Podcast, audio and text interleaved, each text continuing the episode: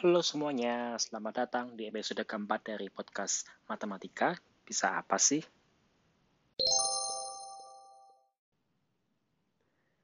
Nah, tamu saya kali ini sekarang adalah seorang mahasiswa PhD yang sedang berdomisili di ibu kota negara Australia, Canberra.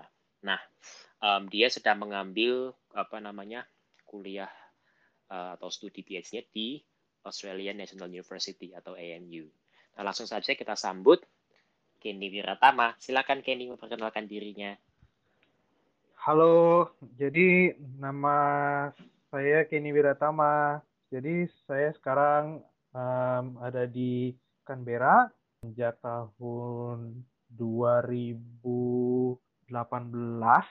Jadi um, sesuai dengan apa yang dikatakan oleh Kevin, itu saya sekarang mahasiswa PhD atau S3 um, di Australian National University dan untuk bidang matematika juga.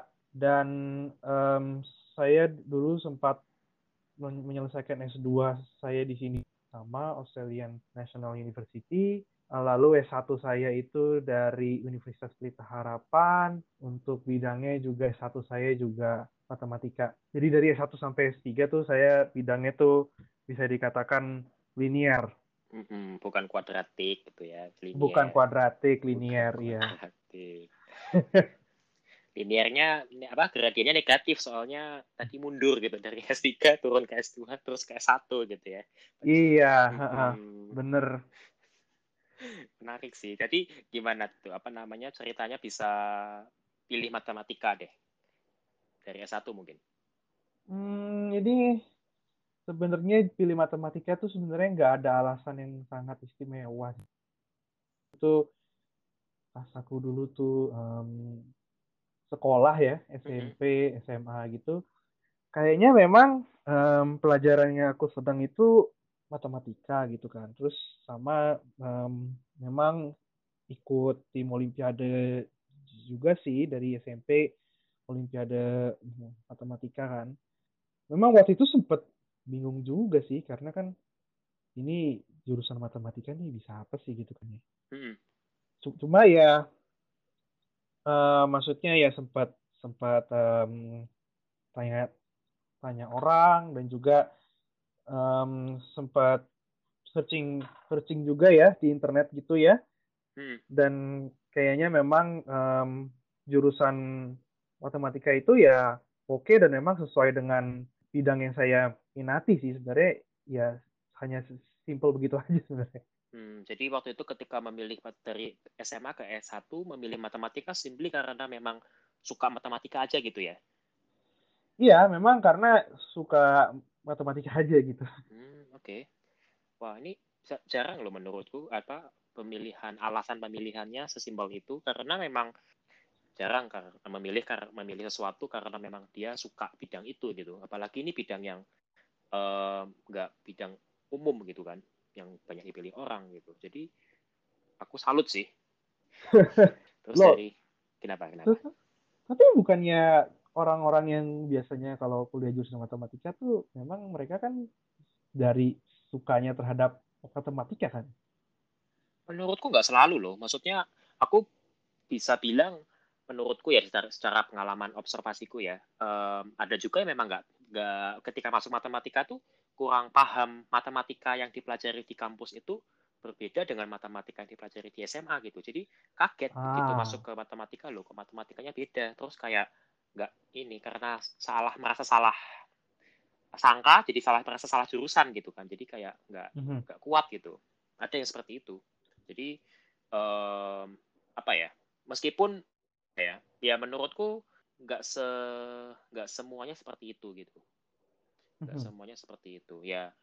Dan menurutku juga jarang. Maksudnya motivasi karena suka matematika itu menurutku tidak sesimpel itu juga karena beberapa tahun lalu kalau nggak salah berapa ya mungkin 5 sampai 10 tahun yang lalu kan lagi booming juga ya yang namanya jurusan yang apa aktuaria ilmu-ilmu yang baru waktu itu kan di Indonesia maksudnya belum Betul. belum ah. berkembang sekali gitu kan dan um, ketika mengetahui bahwa aktuaria itu ilmu yang um, panas dalam tanda kutip di dicari gitu di Amerika waktu waktu Mhm. itu. Ya orang berbondong-bondong untuk masuk jurusan matematika gitu. Jadi ada motivasi seperti itu juga yang aku lihat gitu. Mhm. Jadi bisa dibilang ya em, tidak se- tidak sesederhana karena suka matematika gitu. Mhm. Gitu. Itu sih yang aku tangkap, yang aku lihat ya selama ini. Dan sekarang kan juga menurutku apa sekarang lagi zamannya data science gitu kan. Nanti kita bakal ngomongin data science nih karena Kenny ini ternyata cukup apa memiliki hubungan yang erat dengan data science ya. nanti kita bakal bicara. Ya, jadi belakangan ini kan lagi heboh juga di data science dan itu kan juga butuh matematika ya beberapa beberapa syaratnya gitu kan. Jadi ya Hmm, itu betul. itu jadi motivasi juga gitu. Ini kenapa jadi aku yang wawancara?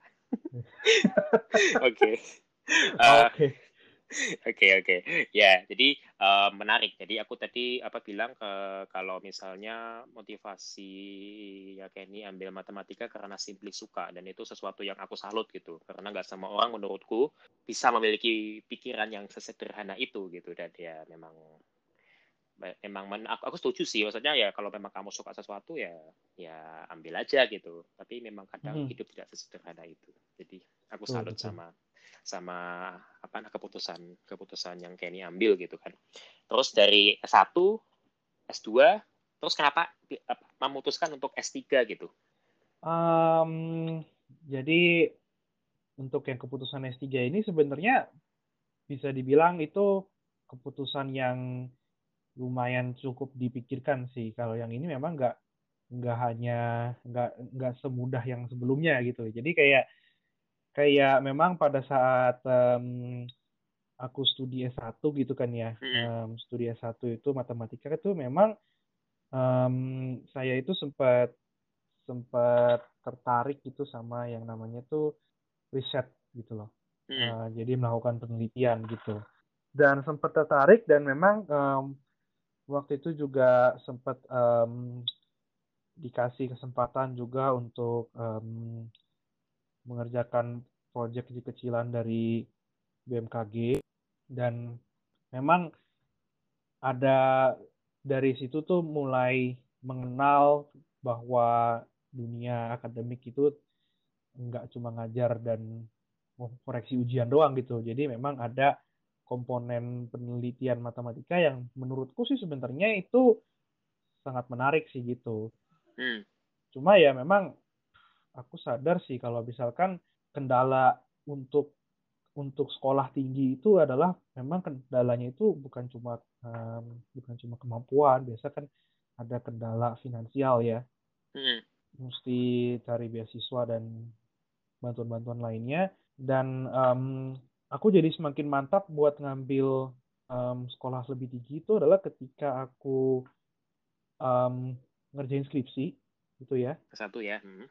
Um, ngerjain skripsi S1 ya karena um, pada saat itu memang um, ngerjain skripsi itu aku bener-bener kayak ngerasain sesuatu yang berbeda dari hanya kayak kuliah, kelas, belajar, ngerjain tugas, ujian itu kayaknya sangat beda gitu dengan dengan apa rutinitas yang kuliah yang biasanya gitu loh. Menurutku tuh komponen ngerjain penelitian matematika dari skripsi itu um, kita banyak belajar sendiri, banyak ekspor sendiri, dan mm, mengerjakan sesuatu yang yang mungkin um, belum dikerjakan oleh orang lain. Gitu.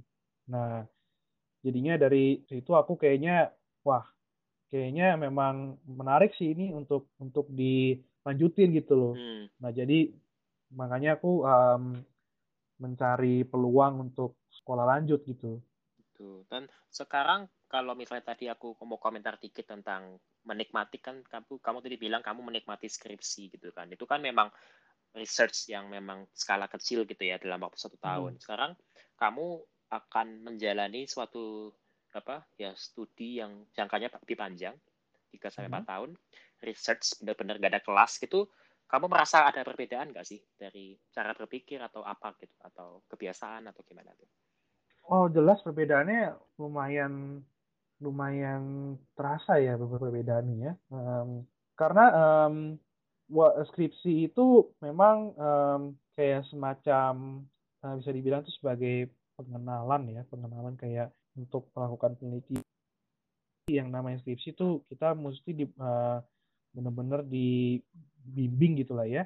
Hmm. Um, untuk yang sekarang sih yang yang aku ngerasain sih pada saat pada saat aku melakukan riset di S2 dan S3 itu kayaknya um, lebih dituntut kemandiriannya sih gitu sih menurutku sih. Jadi um, terutama S3 ya, itu kan sudah nggak ada kelas lagi. Hmm. Jadi ada ekspektasi dari um, supervisor untuk kita itu benar-benar um, mengalokasikan waktu kita tuh benar-benar hanya untuk riset gitu loh. Hmm. Jadi dari dari ekspektasi itu jelas um, hasil yang diharapkan itu jelas akan lebih tinggi dan juga um, untuk mem, untuk apa? Untuk proses belajar mandirinya itu juga harus lebih cepat gitu dibandingkan dulu skripsi gitu loh. Hmm, oke. Okay. Ya, tapi kamu dulu S2-nya apa berbasis research atau campuran atau kelas aja?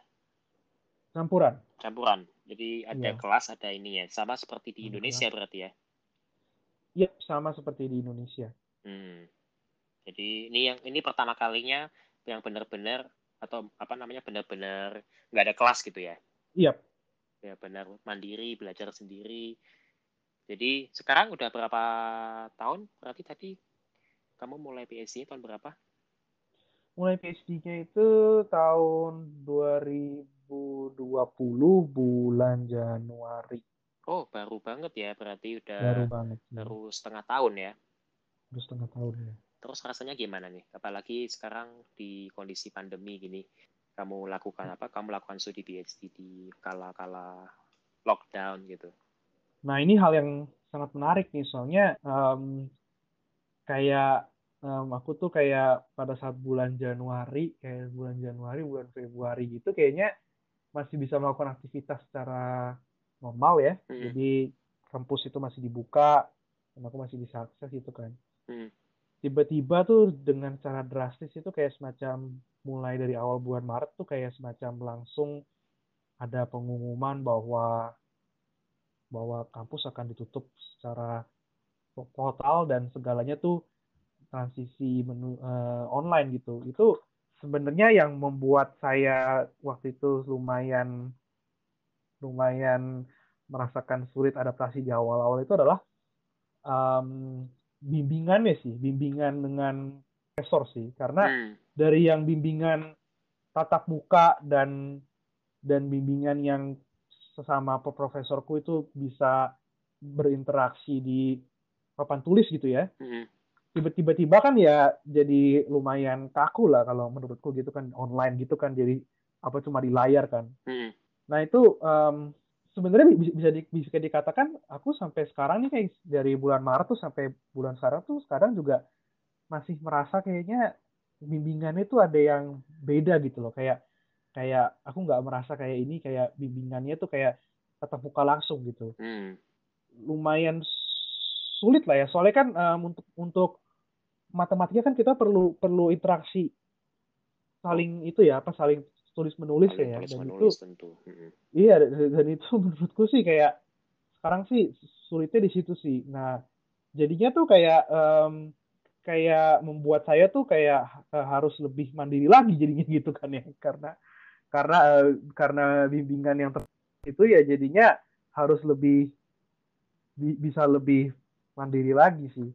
Iya. Ya saya apa ya aku apa namanya kalau dibilang um, interaksinya jadi lebih kaku setuju sih. Soalnya aku, aku merasa kalau misalnya bimbingan harus ada ya ini apa namanya kayak banyak ya tulis-nulis di papan tulis gitu kan ya. Soalnya kalau misalnya iya. pakai, pakai tatap apa video call gitu meskipun bisa screen share, meskipun mungkin bisa nulis kayak mungkin tulis-tulis di mana gitu ya. Tetap beda rasanya gitu. Kayak Iya, nggak beda ada rasanya. keberadaan supervisor di, di depan mata, ada diskusi yang benar-benar tatap mata gitu tuh rasanya tuh nggak ada saya apa ya aku setuju banget sih rasanya memang beda ya dan dan apa namanya ya semoga memang segera ini ya apalagi segera selesai gitu ya pandeminya soalnya iya, memang banyak banyak banget juga um, temanku aku dengar-dengar dari teman-temanku sesama anak PhD juga yang memang merasakan hal yang sama gitu. Jadi kamu nggak nggak sendirian gitu. Aku juga merasakan hal yang sama gitu. Jadi secara nggak langsung kualitas apa ya ya kualitas researchnya tuh jadi berdampak gitu apa ya kayak mm -hmm. kita mau produktif tuh kayak jadi susah juga gitu apalagi harus Tuh. kerja dari rumah nggak semua orang bisa kerja dari rumah gitu kan Tuh. Iya, jadi ya ya memang memang ini ini sesuatu yang seben, mungkin cukup universal ya karena nggak semua nggak cuma aku juga yang merasakan gitu, kamu juga merasakan, banyak yang merasakan. Oke, nah menarik sih, um, tapi mungkin aku bakal stop dulu di di sini um, pertanyaannya karena kalau dilanjutin bisa kebablasan bisa lama sekali. Uh, hmm. Kita akan break bentar, habis itu di segmen selanjutnya aku akan tanya ke Kenny kenapa Kenny mau kuliah pilih ANU sama kita bakal gali-gali dikit mengenai topik penelitiannya Kenny.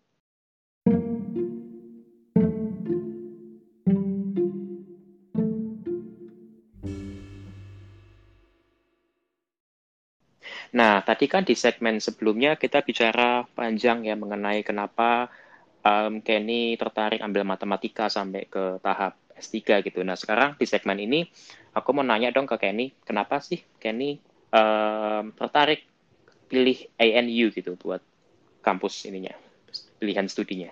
Nah, itu um, alasannya sebenarnya sih lebih berat ke beasiswanya sih. Jadi kayak semacam pada saat aku skripsi S1 tuh sebenarnya dari aku semester semester terakhir S1 tuh sudah mulai banyak cari info tentang scholarship yang ada, beasiswa-beasiswa yang luar negeri yang ada gitu kan ya. Mm-hmm.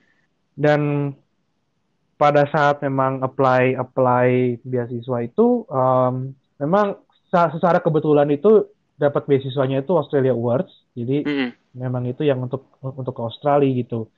Nah, um, dari situ kan udah udah kayak semacam tahu ya ini karena dapat beasiswanya Australia udah pasti ke Australia gitu. Nah kampusnya sendiri itu kenapa pilih NU gitu kan di Australia kan ya? Soalnya hmm. tuh um, pertimbanganku yang pertama itu adalah um, aku kan pengen kuliah master ya karena ini Australia Awards memang yang, aku kuliah ini kan untuk untuk apa tingkat master ya. Uh, memang untuk master di bidang matematika sendiri itu um, untuk di Australia itu pertama uh, hal yang pertama kita perlu lihat itu adalah memang kampus yang menawarkan master di bidang matematika di Australia itu tidak banyak. Um, hmm. Itu yang pertama ya.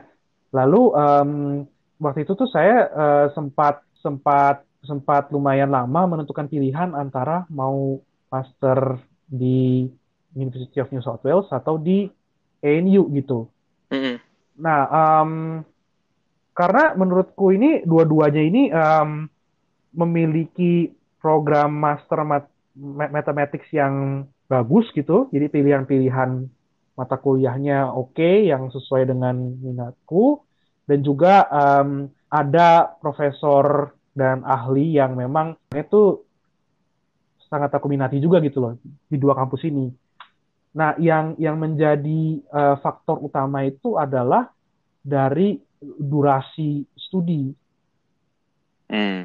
Karena um, di UNSW untuk untuk aku kuliah di UNSW itu um, S2 untuk matematika di sana itu durasi studinya itu satu setengah tahun. Mm -hmm. Untuk di NU itu dua tahun. Oh, itu, jadi malah maunya lebih lama. Iya, nah hmm. um, kenapa? Kenapa lebih lama gitu kan ya?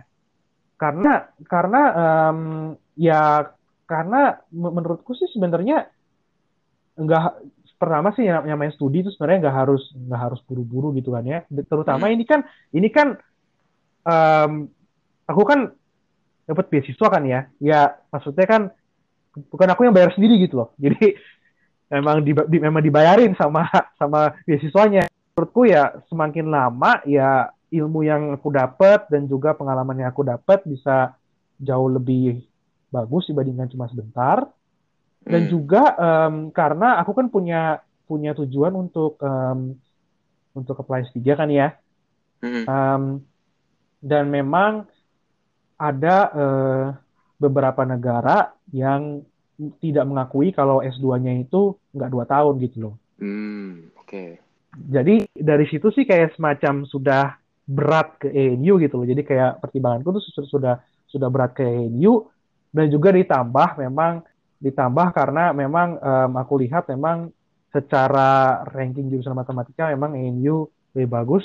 Tetapi menurutku sih kadang ranking itu kayak kalau udah sama-sama di ranking dunia tuh kayaknya nggak begitu beda jauh sebenarnya sih.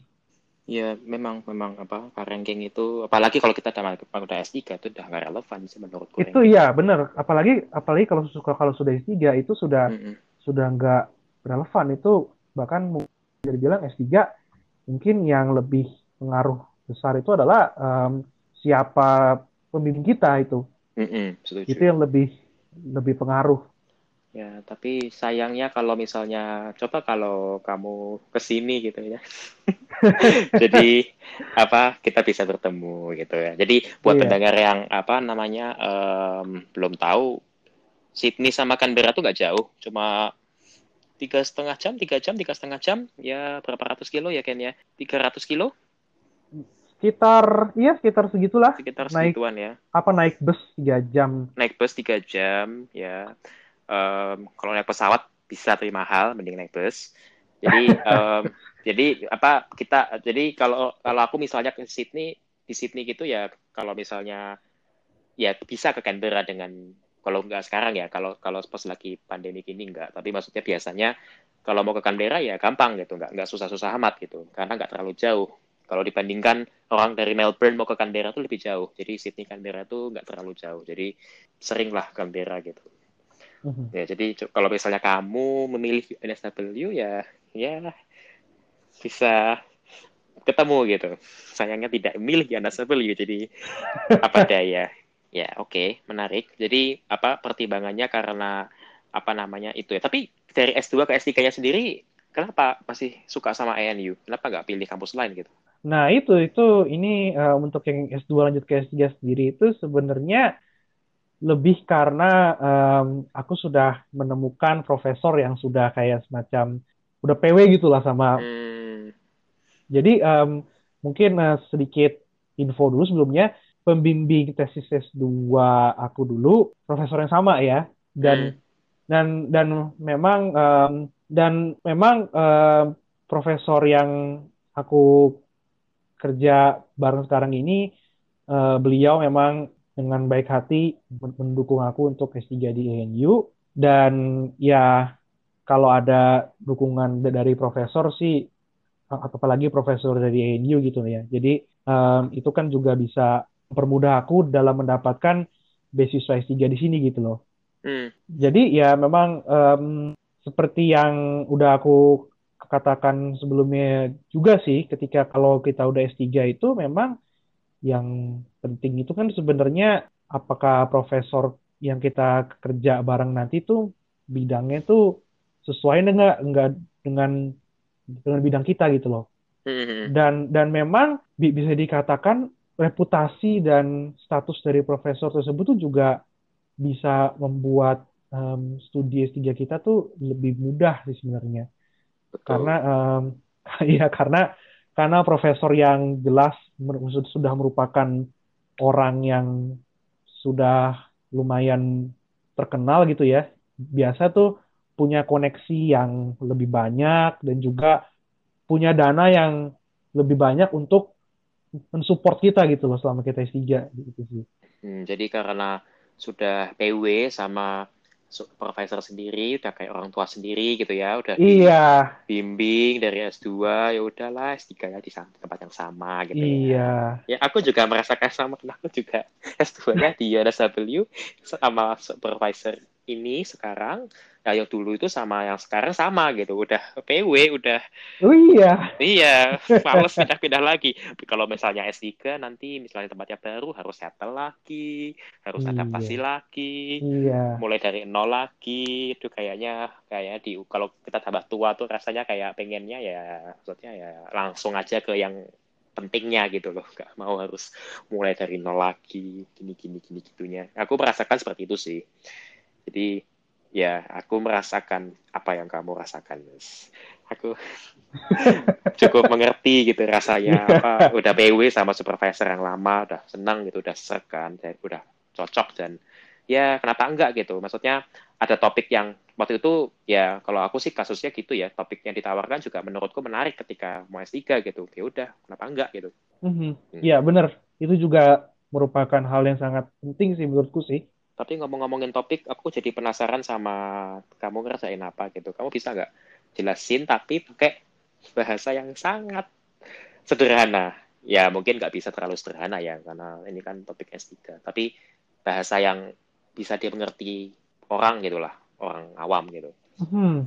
Um, jadi um, aku itu kuliah matematika itu, aku orangnya itu jadi matematika terapan itu bisa dikatakan sebagai memang matematika yang yang secara langsung itu memang kita uh, gunakan untuk menyelesaikan masalah yang ada di dunia nyata gitu ya bisa bisa dibilang seperti itu. Mm-hmm. Jadi um, topik topik riset aku S3 ini um, temanya itu adalah masalah gelombang dan lebih khususnya itu aku fokusnya itu adalah ke gelombang air. Jadi fenomena gelombang air itu kan kalau kita bisa ngomong kan ya di dunia nyata tuh nah, gelombang air itu kan bisa dari gelombang air dari um, apa tsunami gitu kan ya. Um, hmm. Itu juga masalah gelombang air dan juga kalau misalkan apa banjir itu juga gelombang air ya. Jadi aplikasinya itu bisa dibilang ke paling utama tuh ke masalah disaster gitu ya, kayak tsunami dan banjir ya. Nah, um, yang aku teliti dalam gelombang air itu adalah seperti ini gitu loh. Jadi um, gelombang air itu kalau dipelajari dalam dari sudut pandang orang-orang fisika gitu ya, orang-orang fisika tuh sudah sudah sudah paham bahwa gelombang air itu yaitu ada hukum-hukum kayak semacam hukum kekalan massa, hukum kekal hukum kekalan energi gitu. Jadi yang namanya gelombang air itu harus um, mengikuti hukum-hukum itu. Nah, dari hukum-hukum itu tuh kita bisa formulasikan persamaannya gitu loh, persamaan matematisnya gitu. Persamaan matematisnya ini um, biasa nih dalam orang matematika ini kita sebut sebagai uh, persamaan diferensial parsial. Dan ini itu persamaan diferensial parsial ini memang kita itu sulit untuk menemukan solusinya tanpa bantuan komputer gitu. Oke, jadi bisa dibilang ini um, apa ya berarti numerik? Iya betul. Jadi um, ketika kita me menyelesaikan suatu persamaan dengan bantuan komputer itu um, kita menggunakan numerik untuk mencari pendekatan dari solusinya. Jadi bukan solusi yang memang 100% solusi asli gitu ya bisa dikatakan hmm. gitu ya. Jadi solusi pendekatan. Nah, tapi jelas ada ada banyak pertanyaan-pertanyaan gitu kan ya. Apakah solusi pendekatan ini berkualitas atau enggak gitu.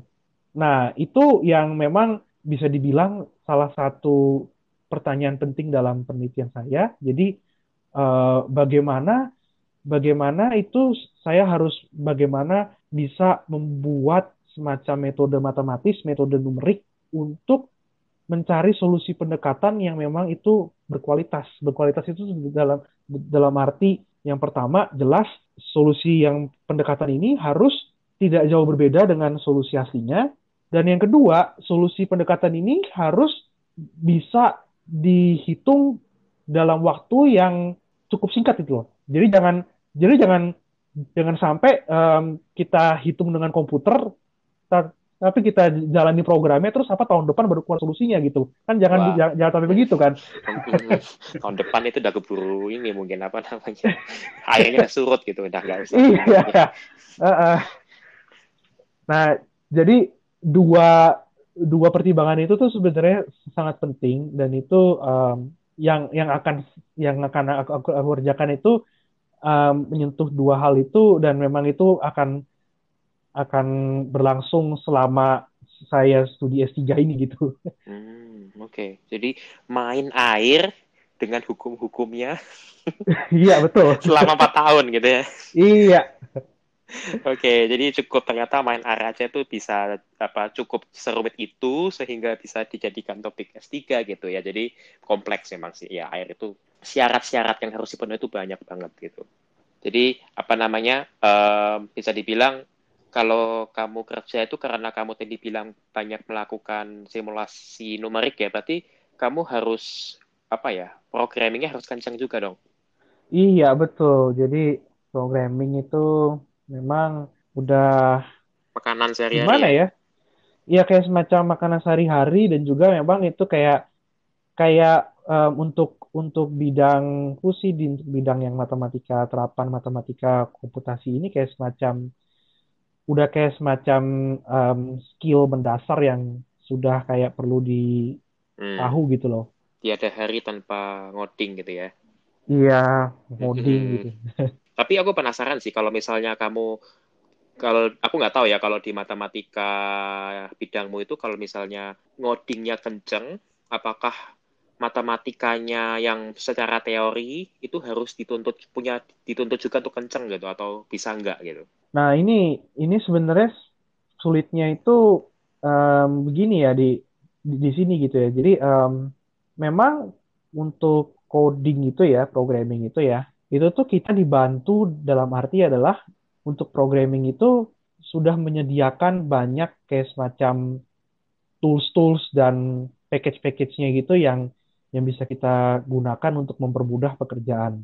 Tapi hmm. untuk untuk kayak semacam matematika teorinya gitu kayak itu sebenarnya kan memang kita untuk udah udah harus bisa paham gitu ya namanya matematika teorinya tuh bagaimana gitu kan ya. Dan um, dari aku sendiri sih sebenarnya pekerjaanku sehari-hari tuh memang lebih sulit di matematika teorinya sih dan dan memang untuk walaupun walaupun di, walaupun dikatakan matematika tapi pada akhirnya tuh perlu pengetahuan matematika murni juga gitu. Karena karena teori teori mendasarnya adalah pada dasarnya ya dari matematika murni gitu loh. Dan memang ini dan memang itu yang itu yang bisa dikatakan hal yang sulitnya itu di situ. Karena karena ya nggak nggak ada kayak semacam tools instan gitu loh dalam dalam yang namanya matematika murni gitu loh. Hmm. Saya bisa mengerti uh, keresahan. Keresahanmu iya dalam matematika murni ya. Tapi kamu, kamu aku merasa sama sih. Matematika murni itu ya memang apa ya ya susahnya adalah menurutku ya um, kalau misalnya nggak ada hasilnya ya nggak bisa di publish gitu kan maksudnya. Ya udah. Ya udah gitu kan.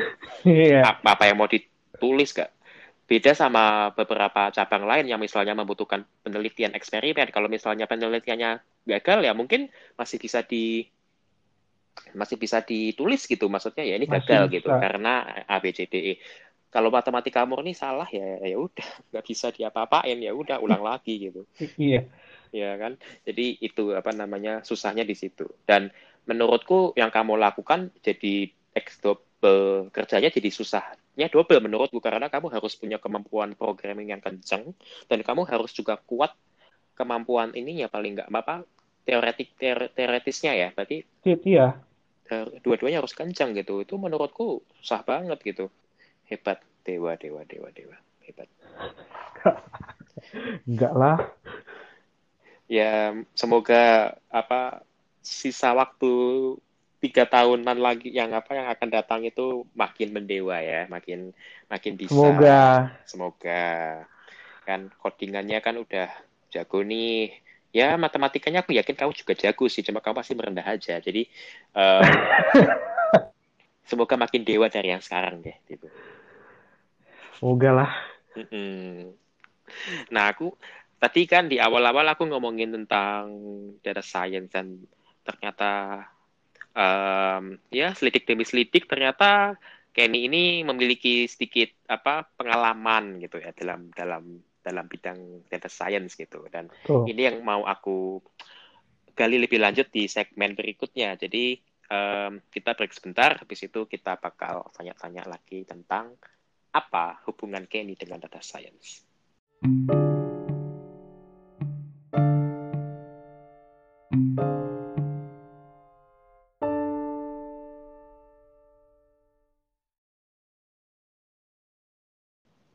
Nah, di segmen terakhir ini aku bakal gali lebih dalam mengenai um, data science. Jadi ternyata selidik demi selidik ya Kenny ini ternyata memiliki pengalaman yang sangat berharga sebagai seorang data scientist gitu karena dia sebelumnya pernah bekerja sebagai seorang data scientist. Nah mungkin Kenny hmm. bisa ceritain nggak apa um, lebih dalam um, kenapa kamu memutuskan untuk oh ya bukan ya menjadi data scientist ya, pada waktu itu gitu?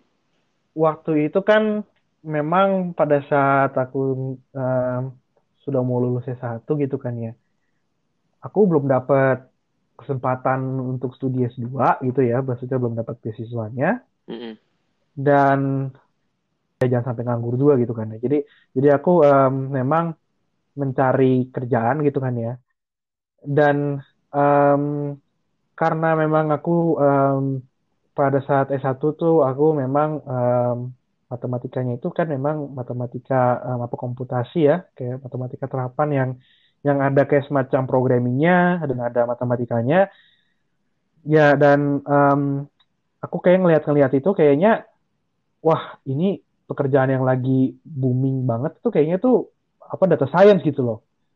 Hmm nah um, ya udah aku coba coba belajar belajar dari internet belajar dari belajar dari kayak semacam sumber-sumber online online course gitu untuk apa data science itu gimana. Lalu aku coba apply kerja dan emang dapet itu sebagai sebagai um, apa data scientist gitu. Um, memang nggak ada alasan yang sampai kuat banget sih karena memang aku memang pengen cari kerja aja dan memang menurutku tuh ya selain boom, selain booming dalam arti mereka uh, punya lowongan data science itu tapi juga memang secara um, reward ya maksudnya reward tuh ya secara gaji kalau aku lihat itu gajinya tuh oke okay gitu loh. Hmm dan memang ya ketika pada saat itu memang lagi dicari-cari banget ya data science itu kan. Iya betul. Kayak dan sampai sekarang juga masih sih sebenarnya menurutku. Sampai sekarang juga betul. Mm -mm. terus um, kamu berarti harus belajar lagi dasar-dasarnya atau kamu ketika kamu apa ketika karena kamu apa basisnya kan matematikanya kan komputasi ya itu kamu udah cukup punya pegangan gitu? Um, memang memang bisa dibilang ada pegangan gitu pegangan pegangan dalam dalam arti ke karena aku di matematika komputasi kan pasti di kuliah tuh adalah yang namanya um, tugas project um, apa coding dan misalkan matematik itu ya um, hmm. tapi memang perlu belajar lagi karena terutama um, karena terutama untuk data science itu um, dia itu perlu pengetahuan statistik yang pertama dan selain statistik itu dia itu perlu yang namanya itu machine learning. Hmm. Jadi um, machine learning itu kayak semacam sub bidang dari AI artificial intelligence gitu ya, hmm. yang memang itu um, su memang itu machine learning itu kayak semacam kecerdasan buatan yang belajar dari data gitu. Dan memang ini kemampuan yang dibutuhkan itu kayak interdisiplin sekali gitu loh. Kayak semacam perlu matematika, perlu statistik, dan perlu programming gitu. Hmm. Jadi kombinasi ini kayak semacam ya kayak kombinasi kecil-kecilan ya mm-hmm. dari matematikanya, ada statistikanya, ada programmingnya gitu ya. Mm-hmm. Tapi buat Kenny sendiri kayak um, transisi belajar laginya itu butuh waktu lama nggak sih? Gimana ya? Karena matematika dasarnya itu sebenarnya yang penting sih untuk belajar yang namanya data science sih.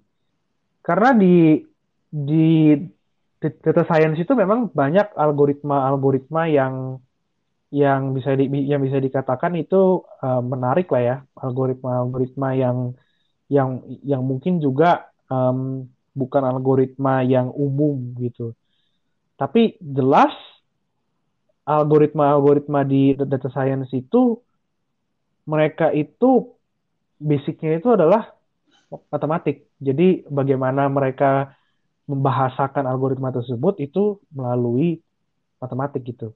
Gimana ya? Ini mungkin pendapat pribadi ya, kayak semacam orang yang jago programming tapi um, matematikanya kurang, itu malah transisinya tuh le lebih sulit untuk ke data science. Hmm. Dibandingkan um, orang yang punya background matematika yang bagus, itu transisinya tuh lebih sulit karena untuk data science itu programming itu dipakai untuk menerapkan algoritma dan algoritmanya itu ditulis dalam bahasa matematika gitu loh.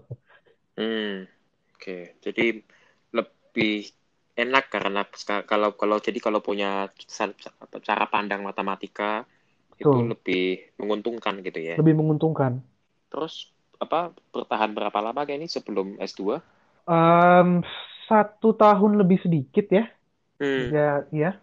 Um, Terus kalau apa namanya uh, overall kalau misalnya harus dideskripsikan pengalaman kerja sebagai data scientist itu gimana? Um, Menyenangkan? Sangat menarik sih sebenarnya. Uh, menarik. Hmm. Gimana ya? Uh, terutama terutama yang yang menariknya itu adalah karena itu sudah di industri ya. Jadi hmm. um, kita harus berpikir sebagai seorang data scientist itu kita harus punya kayak jadi selain selain tadi skill-skill yang sudah disebutkan kita tuh juga perlu kayak semacam pengetahuan tentang aspek yang kita aplikasikan gitu. Jadi dalam arti kalau kalau misalkan kita misalkan kerjakan um, apa kerja di perusahaan apa travel ya artinya kita harus ada pengetahuan juga gitu dalam dalam bidang travel dan juga kalau misalnya kita kerja di perusahaan e-commerce ya kita harus tahu juga um, aspek-aspeknya karena pada akhirnya itu um, kita harus bagaimana menggunakan data untuk bisa membuat perusahaan itu menjadi lebih baik gitu loh itu hmm. intinya hmm. dan memang yang menariknya itu adalah pada saat kerja sebagai data scientist itu interaksinya tuh bukan cuma interaksi di orang-orang IT doang gitu loh. Tapi interaksinya tuh kayak semacam interaksi di orang-orang yang tempat-tempat lain gitu. Karena terkadang kalau misalkan kita butuh data ini, ya bisa jadi apa data ini tuh ada di tempat sini, tapi um, tempat sini tuh kita harus jadi ada kayak semacam perlu ada kemampuan apa komunikasi juga. Dan ya bisa juga dan terakhir adalah yang yang bisa saya katakan adalah data scientist itu memang bisa dikatakan pekerjaan yang juga memerlukan um, kemampuan penelitian karena um, kita pada akhirnya menghadapi masalah-masalah yang bisa dikatakan masalah terbuka ya open-ended problem ya. Dan itulah kenapa ya, yang saya perlukan itu yang saya sebutkan tadi itu kita perlu kemampuan matematis karena masalah-masalah terbuka yang kita temukan di industri itu terkadang tidak bisa diselesaikan dengan tools programming yang ada.